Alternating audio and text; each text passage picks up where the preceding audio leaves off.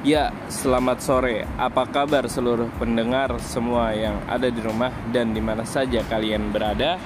Kini saya berada di stasiun Bekasi ingin mengabarkan situasi yang terjadi di jam pulang kantor ini. Pada saat ini terpantau kondisi di stasiun Bekasi cukup padat.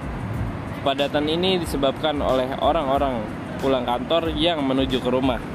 Dan bisa diperhatikan di persimpangan lampu merah stasiun Bekasi sudah dipadati oleh angkot-angkot dan ojek online yang menunggu di pinggir jalan. Mereka terlihat seakan-akan berlomba untuk menunggu orderan penumpang.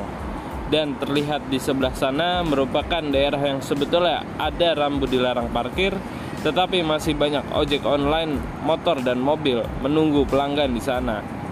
Ini sebenarnya menambah kemacetan di beberapa persimpangan dan pantauan cuaca di sini terlihat sedikit mendung. Oleh karena itu, bagi Anda yang ingin beraktivitas atau pulang kantor, harap siapkan jas hujan atau payung untuk keselamatan Anda. Juga untuk kalian yang merasa lapar, di sini banyak sejumlah pedagang yang menawarkan dagangannya. Demikian informasi yang dapat kami sampaikan dari Stasiun Bekasi. Salah Krisma Yoga melaporkan.